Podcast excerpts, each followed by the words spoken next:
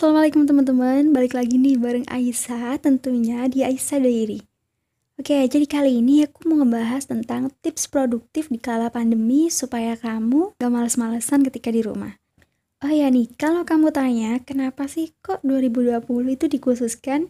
Jawabannya gini nih, kamu tahu sendiri kan kalau di tahun ini tuh berkesan banget. Banyak liburnya, banyak waktu luangnya, dan kita juga belajar untuk hidup lebih sehat dan bersih karena adanya pandemi COVID-19. Oke, langsung aja nih ke poin yang pertama yaitu bikin jadwal. Emang sih ini kelihatan sepele, tapi cukup penting menurut aku. Dan yang dimaksud jadwal di sini tuh nggak harus ditulis. Jadi kayak rencana besok mau ngapain gitu. Prioritasin juga mana yang harus dikerjakan lebih dulu dan mana yang di nomor dua kan dan di nomor tiga kan.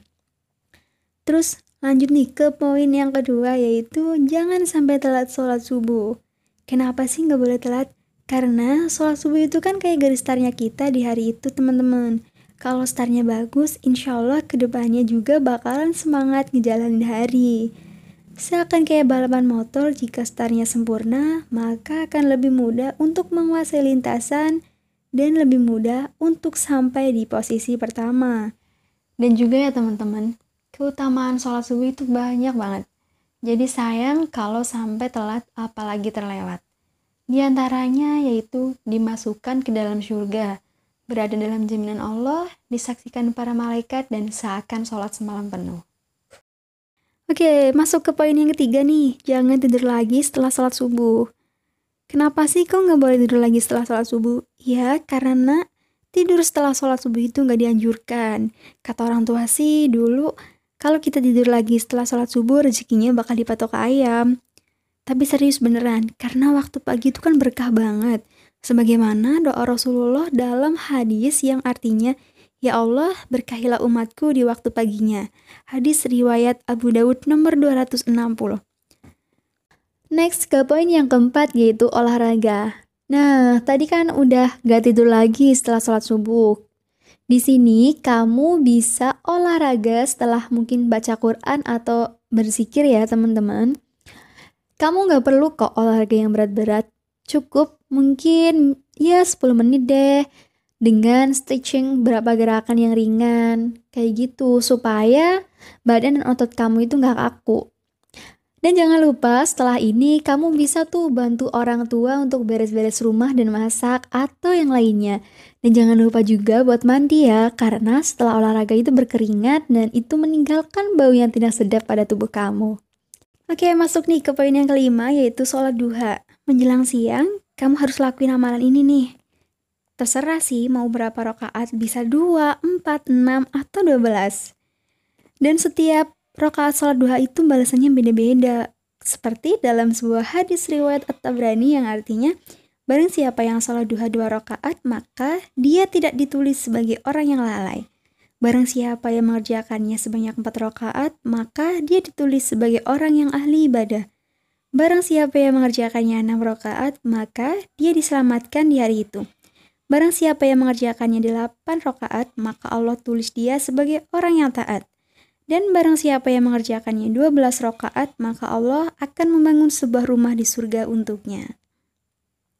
Menariknya, ketika kamu mengerjakan amalan ini, kamu juga bisa nih dapat keutamaan lainnya, misalnya dimudahkan rezekinya.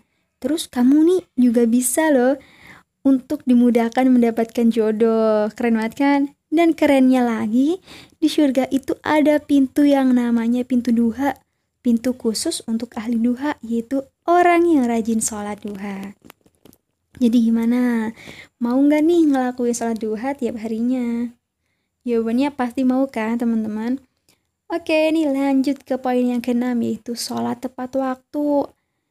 Ini siapin aku ya, orang yang sholatnya tepat waktu itu lebih disiplin dan lebih produktif. Jadi logikanya, kalau sholat aja bisa dijaga dan bisa tepat waktu, apalagi pekerjaan, iya kan? Dan sholat lima waktu itu kayak tombol refresh yang bisa ngebuat kita lebih segar, lebih fokus, dan meningkatkan konsentrasi juga. Oke, masuk ke poin yang ketujuh yaitu kurangin main HP. Ini benda emang punya daya tarik tersendiri sih. Kalau nggak ada HP bisa dibilang hampa gitu ya. kayak ada yang kurang terus HP juga kadang tuh kayak setan gepeng gitu loh ya jujur nih kalau aku ngambil HP terus mau buat ngerjain tugas Gak tahu kenapa tuh ya nyasarnya itu ke Instagram, WhatsApp, YouTube, dan lainnya. Niatnya itu cuma 5 menit, tapi taunya malah jadi setengah jam. Itu ajaibnya HP, udah kayak setan banget ya. Pokoknya ya teman-teman, kurang-kurangin deh main HP-nya, pasti kelihatan banget bedanya. Kalau nggak percaya, bisa silahkan butikin sendiri. Oke, lanjut ke poin yang ke-8 yaitu istirahat. Ini juga perlu ya, Orang yang produktif itu bukan orang yang kerja terus-menerus dan nggak ada istirahatnya. Istirahat juga diperlukan, tapi jangan berlebihan. Kayak tidur siang paling maksimal tuh satu jam. Kalau nggak ambil tengah-tengah deh 30 atau 40 menit, jangan lebih juga. Kalau emang udah nggak ada tugas dan udah nggak ada kerjaan, dianjurkan nih tidur malam di awal waktu. Terus kalau bisa bangun di sepertiga malam sebagaimana Nabi Shallallahu Alaihi Wasallam yang tidak menyukai tidur sebelum sholat isya dan berbincang-bincang setelahnya. Oke, mungkin itu dulu ya Aisyah dari kali ini. Jangan lupa jaga kesehatan dan wassalamualaikum.